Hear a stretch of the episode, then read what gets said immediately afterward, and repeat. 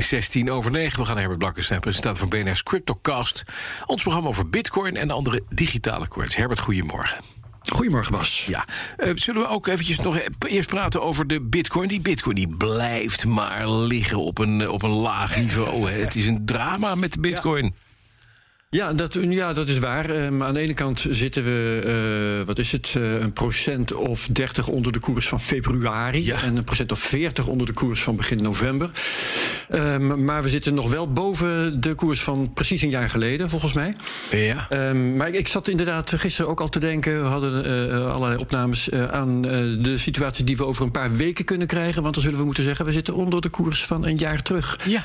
En ja, aan de ene kant is dat jammer, aan de andere kant als je pak een beet twee jaar geleden had gezegd dat we ons nu zorgen zouden maken om een bitcoin-koers van 40.000 dollar. Dan hadden we hard Dan was je misschien wel hartelijk uitgelachen. Ja, precies. Maar ja, we hoorden dus, ook verhalen. We gaan het is een, ton, mooie koers hoor. En een 4 ton. Maar nee, toch. Au. Ja, nee, dat is allemaal uitgebleven. Dat is uitgebleven. ja, ja. ja. Dan de Dogecoin.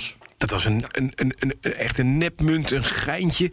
Maakt een sprongetje omdat Tesla bekend maakt betalingen in Doge te gaan accepteren. Maar ja, Musk die heeft ook al gezegd die bitcoin erin accepteren. Heeft het dan ook weer uitgegooid, hè? Ja, dat is ook weer uh, uitgegumd. Um, de koers van de Doge ging uh, opeens met zo'n 30% omhoog, naar een cent of 20. En dat was pal voor het weekend.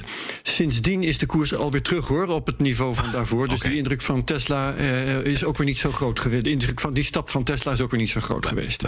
Nee, Maar kun je inderdaad een Tesla kopen met behulp van je Doge wallet? Wel, nee, nee hoor. uh, het gaat in de winkel van Tesla om een heel beperkt aantal producten. Ik uh, moet echt met een kaarsje zoeken. En dan vind ik bijvoorbeeld een gesp voor je broekriem. ik vind een mok. Mok? Dat Mooi. niveau. Ja. ja, ja. En het, het, meest opvallende product eigenlijk, dat is nog wel leuk, is een elektrische quad voor kindertjes. Leuk.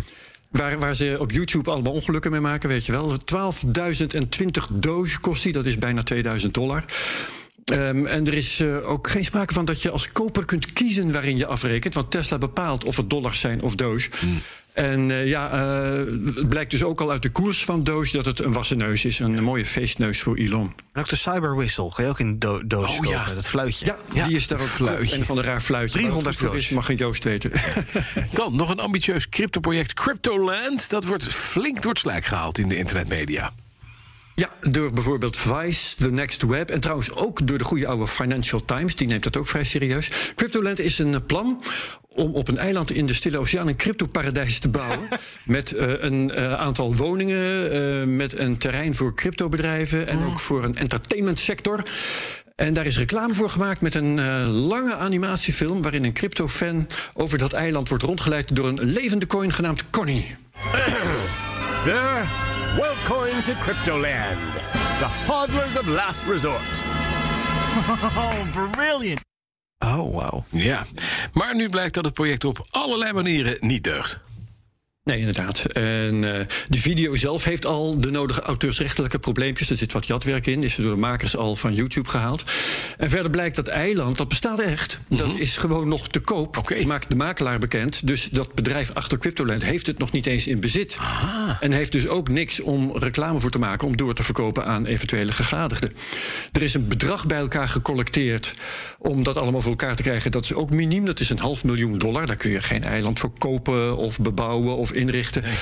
Um, en intussen proberen ze ook met juridische dreigementen de kritische journalisten en bloggers tegen te houden in hun publicaties. Dus ja, ik denk dat wat we hier vooral nog van zullen horen over een paar weken of maanden is dat het straks terziende is. Dat Cryptoland inderdaad ondergestroomd is en niet meer bestaat.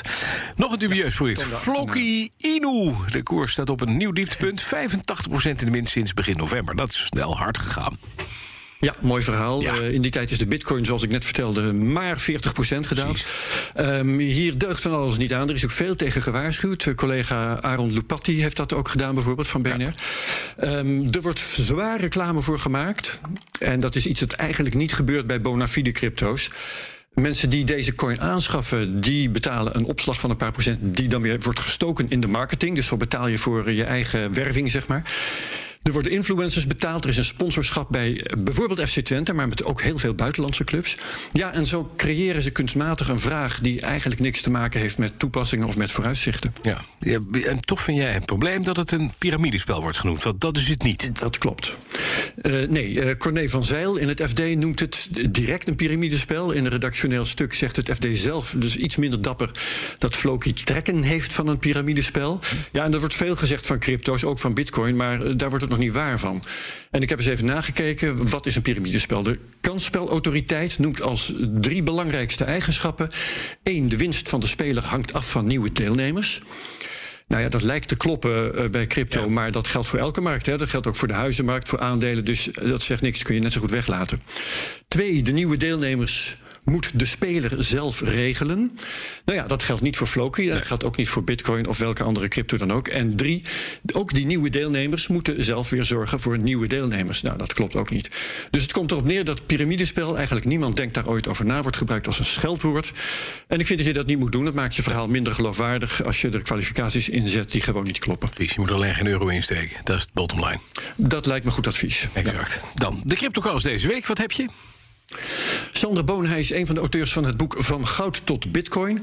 En daar wordt iets uitgelegd dat ik zelf nog helemaal niet kende: het euro-dollar systeem.